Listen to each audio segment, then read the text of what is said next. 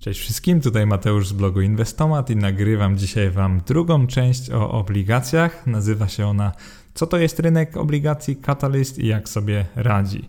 Słowem wstępu, rynek obligacji Catalyst to jest rynek wtórny, na którym Polacy i Polki mogą kupić obligacje, zarówno obligacje skarbowe, jak i korporacyjne, komunalne, spółdzielcze oraz listy zastawne, czyli wszystkie pięć typów, które możecie pamiętać z poprzedniego podcastu i mam nadzieję, że jeszcze pamiętacie. Wszystkie one są notowane na Catalyst, ale to nie znaczy, że łatwo je tam kupić, o czym też sobie dzisiaj powiemy. I możecie się trochę dziwić, po co on w ogóle gada o rynku obligacji, a nie o samym procesie. Czyli wiecie, kupowaniu, dobieraniu, podatkach i tak dalej. Czyli jak sobie przypomnieć cykl o, o ETF-ach, to ten wstęp teoretyczny to był jeden wpis i podcast, następnie gadaliśmy o konkretach.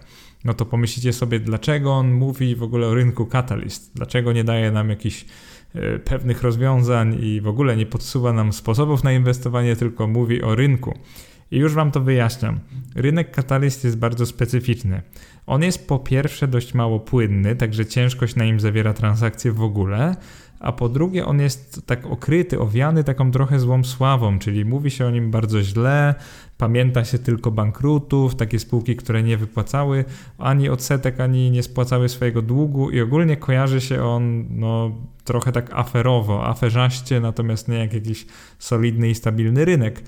Więc nagrywam ten podcast i piszę ten artykuł celowo, żeby trochę może odczarować katalizm, żeby trochę mu pomóc, żeby trochę rozszerzyć świadomość inwestorów takich jak ja, ponieważ powiem Wam szczerze, że od kilku lat inwestuję na kataliście. Dość duża część mojego portfela zwykle jest w polskich obligacjach korporacyjnych. Akurat aktualnie to jest prawie nic, bo większość mi się spłaciła, no ale na takie czasy, gdzie stopy procentowe są trochę wyższe, no to jest taki mój powiedzmy normalny tryb inwestycyjny, że, że mam właśnie obligacje korporacyjne. I powiem Wam szczerze, że dziwię się inwestorom albo ekspertom tym bardziej, którzy mówią, że ten rynek jest jakiś szalenie niebezpieczny i nie powinno się go dotykać. I w tym podcaście mam nadzieję Wam wyjaśnić, dlaczego sądzę to, co sądzę. E, jak będzie podzielony podcast? Najpierw powiem Wam, co to w ogóle jest za rynek, czyli historycznie ile miał emitentów i serii obligacji, jak zmieniała się jego kapitalizacja, czyli wielkość całego rynku, czyli po prostu ile w danych momentach było łącznie wyemitowanych obligacji, albo za ile milionów lub miliardów. Później pogadamy sobie o obrotach na rynku katalyst. Obroty to jest nic innego jak właśnie to, ile papierów zmienia właściciela w ciągu dnia lub roku, zależy jak się liczy. No i zobaczycie po tych obrotach, że właśnie katalyst ma tą zasadniczą wadę, że po prostu jest mało popularny, więc wcale nie jest tak prosto handlować czymś na kataliście. Nie? To jest taki dość duży minus. Mm, później porozmawiamy, moim zdaniem najważniejszy rozdział to będzie o tym bezpieczeństwie rynku Catalyst. Czyli jak wielu było na Catalyst bankrutów historycznie, jaki odsetek był niespłaconych obligacji, czy naprawdę on jest taki niebezpieczny, jak prawie wszyscy dookoła mówią, oraz czy można było wykryć tych przyszłych bankrutów. No i może trochę jak, jak to robić też wam opowiem, że, że jednak da się ich wykryć i to nie jest tak, że biedni, pokrzywdzeni inwestorzy nie mieli szans wiedzieć, że te firmy zbankrutują, bo niestety tak nie było. No i na samym końcu ostatnia część podcastu to będzie jak spopularyzować polski rynek obligacji, czyli Catalyst. No i tutaj pomówimy sobie jak regulator mógłby pomóc rynkowi Catalyst, czy jak KNF, co mógłby zrobić, żeby trochę pomóc temu rynkowi. Później jak operator, czyli właściwie właściciel tej giełdy, czyli GPW, czyli ta sama giełda, która prowadzi naszą, nasz rynek akcji, który jednak jest dość popularny, jak mógłby wesprzeć trochę właśnie Catalyst, czyli trochę spopularyzować, żeby stał się on taki no, lepiej widziany przez inwestorów, bardziej rozumiany. No i na końcu opowiemy sobie też, jak inwestorzy indywidualni i różni po prostu eksperci finansowi mogliby pomóc temu rynkowi. No i na końcu podsumujemy wpis y, i podcast. No i przypominam Wam, że następne dwie części będą o kupowaniu obligacji, czyli wszystkie sposoby zakupu obligacji skarbowych oraz wszystkie sposoby zakupu obligacji korporacyjnych. Także konkrety zaczną się od następnych dwóch wpisów. Dzisiaj mamy jeszcze taką lekką teorię, ale postaram się to opowiedzieć możliwie ciekawie. I teraz, jeżeli chodzi o ten rynek Catalyst, przede wszystkim nie istnieje on od wielu lat, bo istnieje od tylko, jeżeli dobrze pamiętam, 12 albo, albo 13 lat, także jest to dość świeży rynek. Jednak GPW istnieje dużo dłużej. Także rynek obligacji został wprowadzony y, tuż po, czy tam w trakcie tego ostatniego kryzysu. Y, I na początku był on dość popularny, czyli to finansowanie się spółek przez obligacje korporacyjne było całkiem popularne. Y, niektóre spółki miały swoje ratingi, tak jak w Ameryce zresztą. Właśnie powiem Wam, główną różnicę między polskim rynkiem a amerykańskim to jest to, że no, u nas nie ma tego wymogu posiadania ratingu, czyli jak spółka dokonuje emisji obligacji, no to w Ameryce musi udowodnić, że ma czym spłacić te, te papiery dłużne, że ma na to plan, że bierze na konkretne rzeczy i tak dalej, i tak dalej. I właśnie takie coś audytują profesjonaliści, takie duże firmy audytorskie i one dają właśnie tak zwane ratingi. To są te słynne literki, wiecie, najlepszy to, to jest AAA, czyli AAA, no i później macie coraz niższe, coraz niższe, aż do tych literek C i D. Więc to, co chcę powiedzieć, to to, że w Polsce nie ma obowiązku robienia takich ratingów, więc w pewnym sensie polski inwestor, zwłaszcza taki nieprofesjonalny jak ty czy ja, jesteśmy trochę no, pokrzywdzeni tym, że nie ma tych ratingów, no i nie ma takiego obowiązku. No plusem jest to, że to jest większa wolność dla emitentów, czyli prawie każdy może przyjść i zrobić emisję na Catalyst, nie ma takich wielkich wymogów. No minusem jest to, że oczywiście jest pewien odsetek bankructw, tak? I on jest, powiedziałbym, dla niektórych nieakceptowalnie duży, ale postaram się to tak trochę odczarować dla Was w dalszej części tego podcastu. Jeżeli chodzi o rynek Catalyst, jak duży jest to rynek? Jeżeli chodzi o liczbę emitentów historycznie, to na przykład dla obligacji skar y, skarbowych, no oczywiście jest to jeden emitent, w zasadzie ostatnio trzech, bo nie jest to tylko Skarb Państwa, ale jest, też jest to na przykład PFR, czyli ten Państwowy Fundusz Rozwoju, to jest ten sposób, z jakim państwu teraz udaje się wydrukować tak dużo pieniędzy i samo sobie pożycza w pewnym sensie te pieniądze. To już opisywałem w innym podcaście o tej y, tarczy antykryzysowej w kategorii gospodarka. Natomiast jeżeli chodzi o liczbę emitentów, przykład obligacji korporacyjnych, to te, u szczytu, czyli w latach 2014-15, to był szczyt popularności rynku Catalyst, Wtedy było emitentów nawet 150, także całkiem sporo firm się tam notowało. Dla porównania na całej GPW, czyli na New Connectie i WIG-u, w WIG-u notowanych jest około 800, chyba 809 spółek obecnie, więc pomyślcie sobie, że 150 emitentów obligacji to jest całkiem nieźle. To jest tak jakby właśnie co, no, co piąta, powiedzmy, spółka emitowała swoje papiery dłużne na tym rynku, także to nie było tak źle. Niestety w ostatnim roku, czyli 2019, było to już o wiele mniej, to było 98 emitentów, także widzimy taką tendencję, że te firmy, które schodzą z tego rynku, już nie powracają na niego, a coraz mniej nowych firm emituje swój dług w taki sposób. No i oczywiście jest wiele powodów na to, z czego jednym jest ten zmniejszony popyt i ta zła sława tego rynku, że po prostu inwestorzy nie chcą dawać pieniędzy spółkom. Nie? To jest jedna, jeden z powodów. Oczywiście nie dawać tylko pożyczać, ale to jest inna sprawa. Jeżeli chodzi o liczbę serii obligacji, no seria a emitenci to jest to, że na przykład jedna firma może mieć 10 serii obligacji. Serie różnią się głównie tym, że się kończą w innym momencie i są inaczej oprocentowane. Czyli na przykład jedna firma, firma XYZ może mieć serię, która się kończy, dajmy na to za 5 lat jest oprocentowana na stałe 2%, ale w przyszłym roku może zrobić emisję też firma XYZ e, na kolejne 5 lat i na przykład ta emisja będzie oprocentowana na 3%. Także serie różnią się tym tickerem, czyli nazwą, oprocentowaniem i właśnie innymi parametrami, ale głównie właśnie nazwą. No i zauważcie, że jedna firma może mieć kilka serii i o ile jeszcze kilka lat temu tych serii na kataliście było około 400, to dzisiaj to już jest bliżej 300. Także mamy 100 emitentów, 300 serii, także średnio jeden emitent ma 3 serie aktywne. Jeżeli chodzi o wielkość rynku, czyli o jego kapitalizację tak zwaną, czyli to odpowiada na pytanie, jak wiele warte są wszystkie obligacje na rynku, to jeżeli chodzi o korporacyjne jest to trochę więcej niż niż e, już sprawdzam, to jest około 50 miliardów, także e, żeby wam to do czegoś przyrównać, no to kapitalizacja dajmy na to obligacji skarbowych na kataliście to jest już około 500, w zasadzie 600 miliardów, także dziesięciokrotnie wyższa niż korporacyjnych. No i to oznacza, że ten dług państwowy jest o wiele większy notowany na rynku niż ten korporacyjny. I teraz możecie być trochę zawiedzeni, ale jeżeli chodzi o resztę obligacji, czyli na przykład listy zastawne albo obligacje komunalne, to jest około no, kilkunastu, to jest około no, poniżej 20 miliardów, także dużo mniej niż korporacyjnych, natomiast obligacji spółdzielczych prawie nie ma już na rynku, bo naprawdę to są wartości mniejsze niż pół miliarda złotych, także naprawdę wartości śmiesznie małe w porównaniu no, z takim, wiecie, grand planem, takim ogólnym obligacji notowanych na kataliście. To jest bardzo mało. Także kapitalizacja rynku on też się zwija niestety. E, choćby ten korporacyjny był kilka lat temu jeszcze było to 10-20 miliardów więcej niż teraz, czyli około 70 miliardów. Teraz tych pożyczonych pieniędzy aktywnie jest właśnie bliżej 50, to jest chyba dokładnie 49 miliardów w zeszłym roku. Także coraz to mniej i mniej, niestety. I teraz kapitalizacja to jedno, ale obroty są bardzo ważne, czyli obroty to jest po prostu to, ile papierów zmienia właściciela w ciągu roku w tym przypadku. No i obroty na obligacjach korporacyjnych no nie są jakieś porażające, bo jest to mniej niż 2 miliardy złotych rocznie, to jest około e, miliarda 600 milionów. No i teraz co to oznacza? No tak jak wam mówiłem, mamy wszystkich obligacji 50 miliardów, natomiast zmieniło właściciela jakieś 1,7 miliarda, czyli jakieś 4% tych notowanych obligacji około.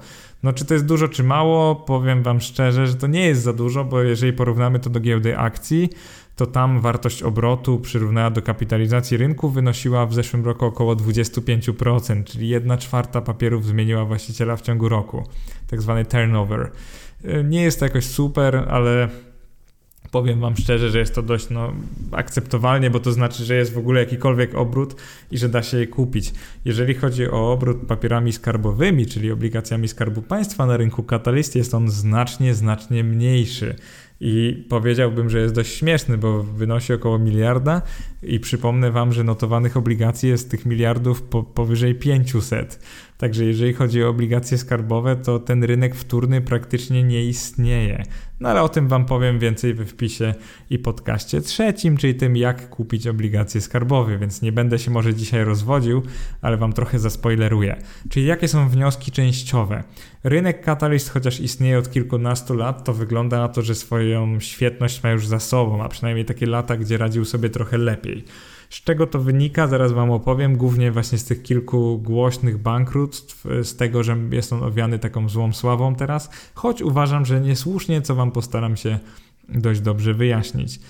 Wartość obrotów na obligacjach korporacyjnych no, jest na tyle duża, że da się jakiekolwiek kupić, sprzedać. Tak potwierdzam, bo zarówno kupowałem, jak i sprzedawałem wiele emisji jako inwestor indywidualny i nie jest to jakiś duży problem, także mm, powiedziałbym, że jest to porównywalne do handlu takimi mniej płynnymi akcjami, czyli może nie takimi z WIG-u 20, a z jakiegoś mniejszego WIG-u, na przykład SWIG 80, jakimiś tam walorami, które są po prostu trochę mniej popularne. Więc myślę, że to jest dobre porównanie. Jeżeli chodzi o wielkość rynku, no niestety jest on coraz mniejszy. Ubolewam nad tym, bo jednak mamy inflację i z czasem firmy powinny pożyczać więcej, a nie mniej. Więc to trochę dziwi, jest trochę takie, no powiedziałbym, lekko deprymujący dla kogoś, kto ma zacząć inwestować na kataliście, no ale mam nadzieję, że Was to jeszcze nie wystraszyło. Staram się być obiektywny.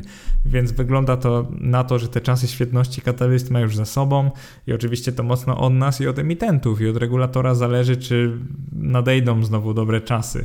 No ale o tym na końcu tego podcastu. Teraz pogadajmy sobie o bezpieczeństwie rynku katalist. I tutaj chciałbym stanąć w opozycji do wielu innych blogerów e, finansowych, którzy przez lata pisali, mówili o tym, że katalyst jest rynkiem niebezpiecznym, zwłaszcza ten katalyst korporacyjny, bo tak naprawdę skupimy się na nim, bo pamiętajcie, że obroty na rynku obligacji korporacyjnych są najwyższe, więc tak naprawdę możemy trochę uprościć i pogadać tylko o tym długu firmowym w tym momencie. I blogerzy finansowi często zarzucają, zarzucają mu to, że jest właśnie mało bezpieczny, że odsetek bankructw, czyli niewypłacalności jest za duży i tak dalej, i tak dalej. Więc powiedzmy temu sprawdzam, albo raczej sprawdzamy i sprawdźmy, ile naprawdę zarówno nominalnie, jak i procentowo wszystkich emisji obligacji bankrutowało, czyli było niespłacanych w ciągu ostatnich lat. I powiem Wam w ten sposób, że na przykład dobre czasy były w 2017, kiedy to tylko 1% wszystkich emisji, a jeżeli chodzi o wielkość, to niecałe 100 milionów złotych. Tych pożyczonych pieniędzy nie było spłaconych i nie jest to wcale tak źle. W następnych latach było to, w 18 było to 2%, w 19 było to już bliżej 6% i w tym roku na razie jest to też około 6%, czyli 6% wszystkich emisji obligacji korporacyjnych pozostaje niespłaconych. Czy jest to dobrze, czy źle? Powiedziałbym, że raczej źle. Zwłaszcza wartościowo, wielu blogerów pisze o tym, że jest to naprawdę tragedia, bo w tym, w tym kwartale chociażby, czy tam w kilku kwartałach ostatnich aż 500 milionów obligacji, pół miliarda było niespłaconych. No i to brzmi oczywiście tragicznie, tak? Wyobraźcie sobie, że firmy miały oddać jakąś kwotę i nie oddały aż pół miliarda. No to nie zachęca do inwestycji, że było to 6% wszystkich emitentów, to założę się, że żadne z Was nie chciałoby zainwestować w coś, co ma około 6% szans na bycie niespłaconym. Zwłaszcza, że oferuje oprocentowanie typu 4-5% brutto, a nie wyższe no to wystarczy sobie policzyć i tak naprawdę raczej nie ma sensu inwestować w coś takiego. Jeżeli spojrzymy sobie na statystyki takie oficjalne, jeżeli chodzi o odsetek bankrutów wśród tych małych emisji, małe emisje to jest do 10 milionów złotych, to jest to o wiele gorzej. Czyli w ostatnich latach to było średnio gdzieś 20%. No i wyobraźcie sobie, że um, udzielacie tych pieniędzy firmom na te małe emisje, czyli właśnie do 10 milionów i aż 20% z nich jest niespłacane. No to, to jest po prostu katastrofa, prawda? No i teraz wyobraźcie sobie, jak ja mogę to robić, że od już 7 lat, już nie, nie pamiętam nawet ile emisji miałem spłaconych, ale powiem wam, że wszystkie, nie trafiłem na żadnego bankruta. No i niektórzy z was powiedzą, że mam szczęście, inni powiedzą, że mam jakieś nadludzkie umiejętności. Jeszcze inni powiedzą, że po prostu znam się na rzeczy i wiem co robię i nie powinienem tego polecać innym. I zamiast polecać czegokolwiek, bo powiem Wam szczerze, nie chcę niczego polecać, jak zwykle. Natomiast chciałbym trochę odczarować ten rynek i trochę odsiać pewnie, pewne firmy z tej statystyki. I teraz Wam powiem, jaki ja mam problem z tą statystyką, którą Wam właśnie podałem. I teraz, żeby zaczepić Wasze mózgi, przypominam, że 6% wszystkich obligacji było niespłaconych w ostatnich czterech kwartałach na kataliście oraz ponad 20% z tych małych emisji, czyli tych emisji do 10 milionów złotych było niespłaconych. Czyli zaczepcie sobie w mózgach liczby 6% i 20, powiem wam dokładnie, nie, sorry, to było 18%. Czyli 6% i 18% zaczepcie sobie w głowach. I dlaczego sobie zaczepcie, zaraz wam powiem. E, warto jest spojrzeć poza tym, tymi procentami niespłaconych emisji na to, co było pod spodem, czyli ile i jakie firmy nie spłacały tych emisji, czy one były małe, czy duże i tak dalej, i tak dalej. I wiadomość, którą dla Was mam, to to, że za naprawdę większość tych niespłaconych emisji w ciągu ostatnich lat odpowiadały dwie duże firmy. I mowa tutaj o Getbacku, słynnym z tej afery Getback, oraz o PBG, które od lat jest no, znanym bankrutem tak naprawdę. To jest taka firma, która no, mało kto się spodziewał, że ona wykupi te swoje obligacje, tak mówiąc wprost. Więc w statystyce mamy dwie firmy, które zbankrutowały albo już wiadomo, że są niewypłacalne od kilku lat, ale ze względu na specyfikę obligacji, czyli to, że ich emisje kończą się później, one się będą kończyć dalej w przyszłości, mamy taką trochę zaburzoną statystykę. Czyli widzimy liczby 6% niespłaconych i 18% niespłaconych, natomiast w tych liczbach bardzo mocno właśnie przeważają te dwie firmy. I teraz zaraz Wam powiem jak bardzo, ale się trochę zdziwicie. I teraz mam na myśli to, że jeżeli jakiś bloger lub ekspert finansowy wam mówi, że aż 18% y, z tych właśnie wszystkich emisji, y, a z małych emisji, y, przepraszam, odwrotnie, aż 6% wszystkich emisji, a z małych emisji 18% zostało niespłaconych, no to powiedzcie sprawdzam, wejdźcie sobie w te tabelki, w moim wpisie jest to dokładnie rozpisane i odfiltrujcie sobie firmę PBG i, i Getback. No i ci z Was, którzy są fanami no, prawdziwej statystyki, może nie powinni odfiltrowywać, ale dlaczego w ogóle to robimy? Po pierwsze o tych firmach wiadomo od lat, że są bankrutami, więc no nikt o zdrowych zmysłach już od 2-3 lat nie inwestuje w te obligacje, bo po prostu wie, że te firmy są niewypłacalne, więc co z tego, że one są notowane na rynku, jak jakby wiadomo od dawna, że one będą niespłacone. No i teraz ci z Was, którzy powiedzą, no dobra, no to nie usprawiedliwia rynku, bo jednak jest tyle tych emisji, więc dane to dane, to powiem Wam tylko szczerze taką rzecz, że tych obligacji nawet one były zawieszone w obrocie, nawet się nie dało ich kupić od paru lat, więc dla takiego inwestora, który chciałby mieć bardziej prawdziwy ten obraz, czyli ta, takie firmy, które faktycznie dowiedzieliśmy się niedawno, że bankrutują i nie spłacają swoich obligacji, to ze tej statystyki y, przypomnę Wam, jak to było, że wszystkie emisje to było 6% niespłaconych, no to nam się robi nagle 1,8%, jak odfiltrujemy te dwa giganty. Jeżeli weźmiemy małe emisje, tutaj jest równie ciekawie, bo to, że firmy są duże, nie znaczy, że one nie miały małych emisji. I tu jest kolejne takie przeświadczenie dziwne, że małe emisje równa się małe firmy, to jest nieprawda. Getback i PBG też miały małe emisje. Mogę Wam nawet powiedzieć konkretnie, że PB 11219 miało emisję na przykład opiewającą na 8,3 miliona złotych, więc ogromna firma, która miała też emisję po kilkaset milionów, miała też małe. Więc nie dajcie się zwariować. To, że ktoś mówi wśród małych emisji y, mieliśmy tam 18% bankrutów, no to powiedziałem temu sprawdzam i się okazało, że mieliśmy 4,6% bankrutów. Tak realnie. To jest dość dużo, ale pamiętajcie, że wśród bardzo małych takich faktycznie firm 4-6% bankrutów to nie jest tak źle, zważywszy na to, że one oferują najczęściej takie bardzo duże, takie bym powiedział nieracjonalnie duże oprocentowanie.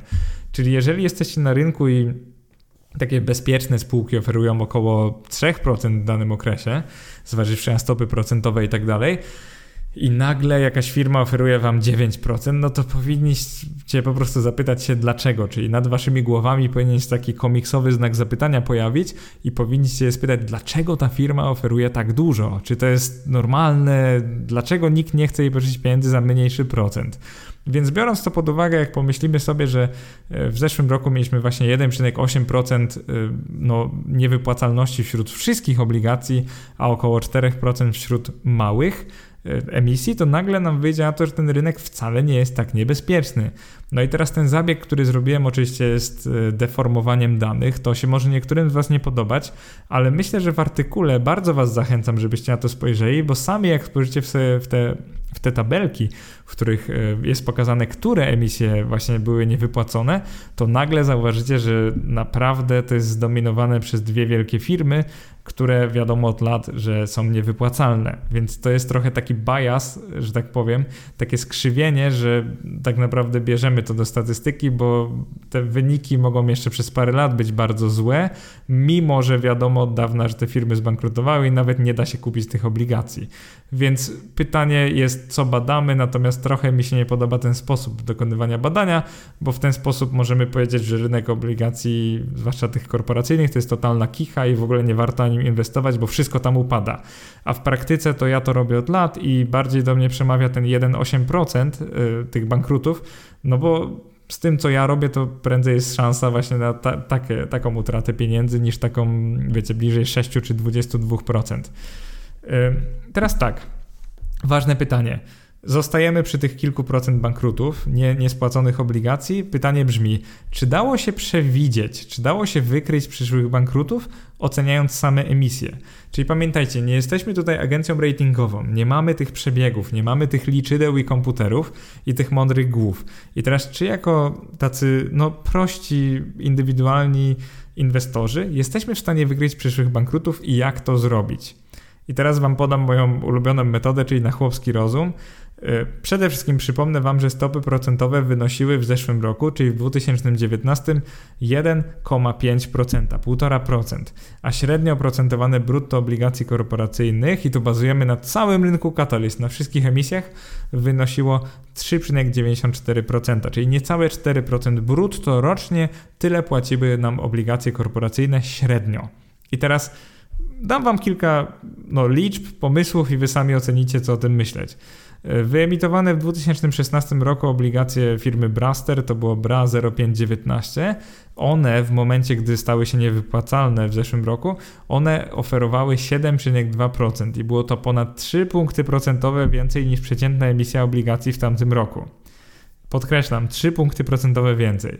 No to jedziemy dalej. Mamy firmę Stal Profil. STA 1219 to są kolejne z tych niespłaconych obligacji z ostatnich kilku kwartałów. Jak myślicie, ile one płaciły? 7%. Oprocentowanie stałe, czyli 3 punkty procentowe więcej od przeciętnej emisji w zeszłym roku. No to szukamy dalej. Vivid Games, VVD 0520 oprocentowane stopą WIBOR plus 6 punktów procentowych, czyli w zeszłym roku to było 7,5% brutto rocznie i to jest ponad 3,5 punktu procentowego więcej niż przeciętna emisja obligacji.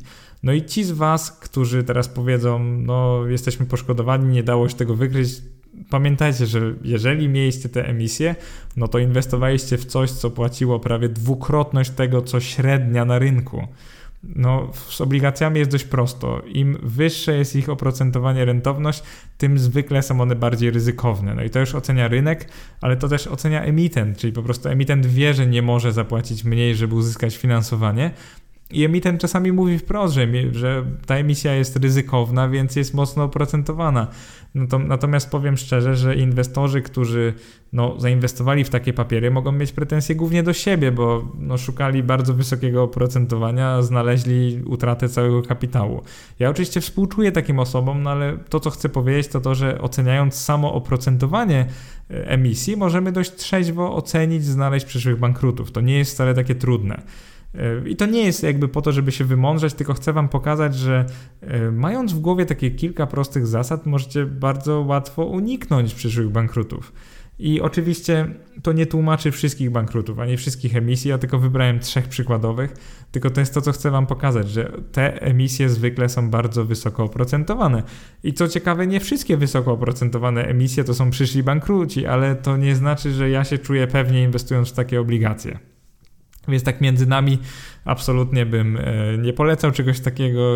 Ja nigdy praktycznie nie inwestuję w takie obligacje, które płacą powyżej średniej. No chyba, że w części szóstej wam opowiem trochę o spekulacji, ale to nie nazywam tego inwestycją, tylko właśnie o graniu pod coś.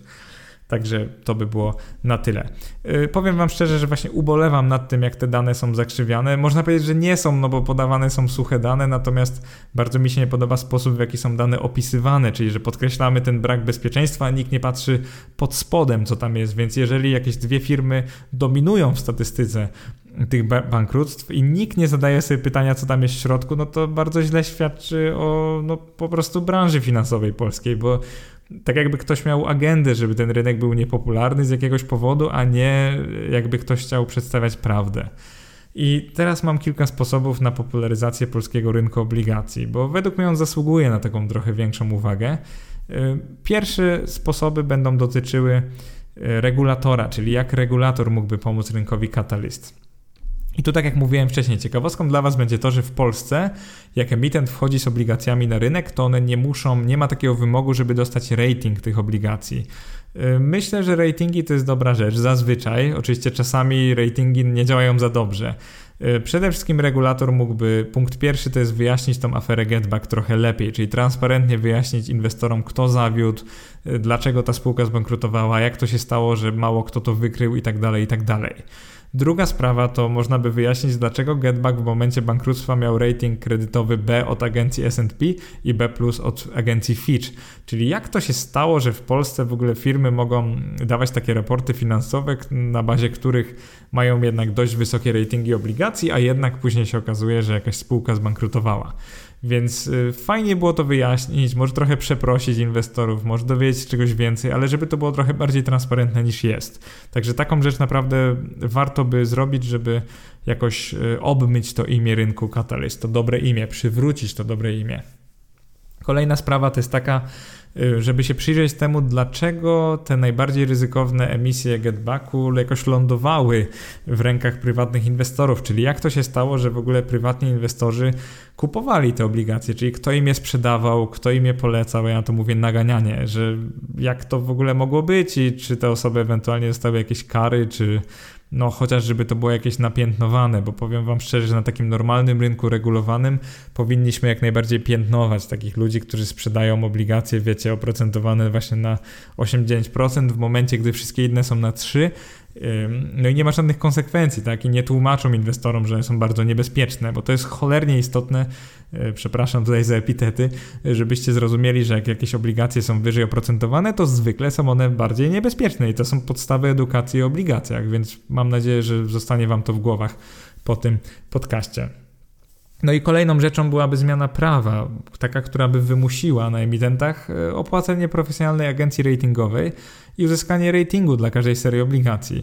I podkreślam, że to nie musi być e, taka, taki rating ze Stanów Zjednoczonych, to może być rating polski, moglibyśmy mieć własną agencję ratingową. To by mogło wcale nie być takie drogie, no bo jednak dokonanie takiej oceny nie musi iść w grube miliony na przykład złotych, bo zauważcie, że często emisje są na parę milionów złotych, no to to jest jasne, że emitent by nie wchodził na Catalyst, gdyby otrzymanie ratingu kosztowało milion złotych na przykład.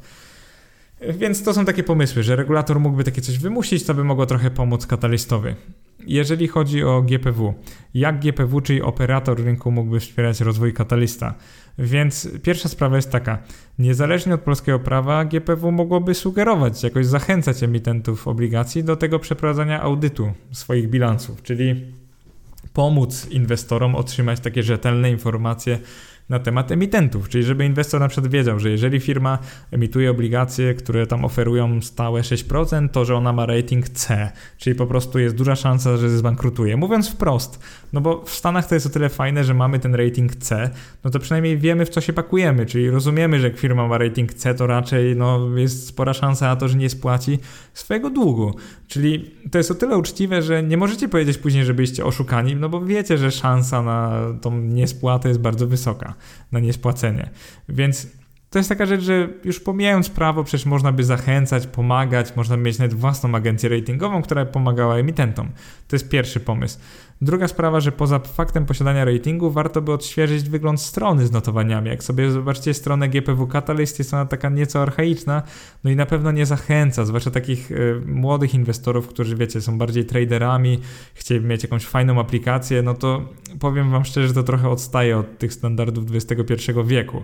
Więc niestety to trochę wygląda tak, jakby ten mm, operator rynku spółka GPW troszkę tak zapomniała o tym rynku albo postawiła na nim krzyżyk. Może to jest tak, że skoro mają tak małe zyski z tego rynku, to skupmy się na tym akcyjnym.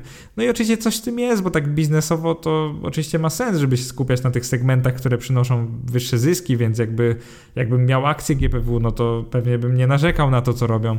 Ale jako taki akcjonariusz, wiecie, zwykły na rynku, który chciałby jednak, że ten rynek katalyst też rósł, sugerowałbym pewną promocję, czyli odświeżenie tego wyglądu strony i właśnie punktem trzecim będzie taka promocja rynku, czyli taka edukacja inwestorów y, trochę lepsza, postawienie na ten rynek, czyli nawet, wiecie, opłacenie kogoś, kto robiłby jakieś webinary i tak dalej, żeby po prostu nie spisywać tego rynku od razu na straty, żeby właśnie drobni inwestorzy zrozumieli, że w takich normalnych czasach to jest całkiem fajny wariant, e, który powiedziałbym szczerze, że bije czasami inwestowanie w nieruchomości, na pewno bije obligacje skarbowe i po prostu nie są wcale tak niebezpieczne, jak się wie, co się robi, podkreślam.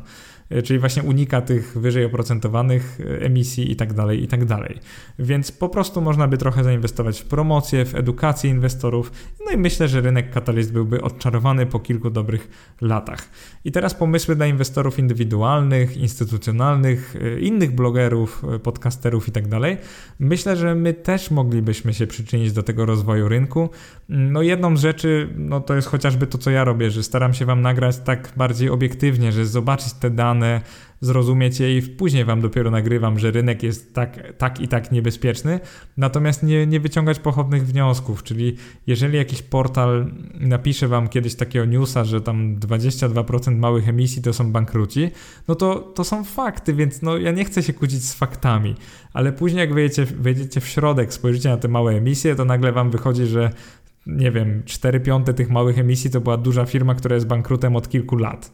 No to jakby nie patrzeć, to jest trochę zakrzywianie rzeczywistości, jak ktoś wam teraz mówi, inwestując w małą emisję, macie tylko 4 piąte, że wasze pieniądze do was wrócą, bo to tak nie do końca jest, tak?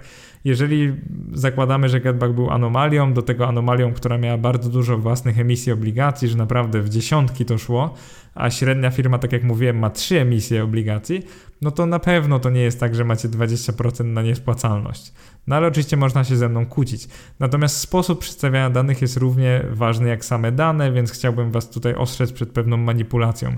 Jeżeli ktoś ma taką agendę, żeby Was nagonić na akcje albo na nieruchomości i tak dalej, będzie używał tej retoryki, żeby Wam powiedzieć, jaki to katalyst, a zwłaszcza obligacje korporacyjne są niebezpieczne jakby plusem mojego podcastu jest to, że no ja nie mam jakiejś specjalnej agendy, po prostu staram się edukować, mówię wam co ja robię, no więc jakby nie jest moją agendą, żebyście koniecznie zaczęli inwestować na kataliście, ja po prostu chcę wam powiedzieć, że Prawdopodobnie jest on mniej niebezpieczny niż podają inne źródła.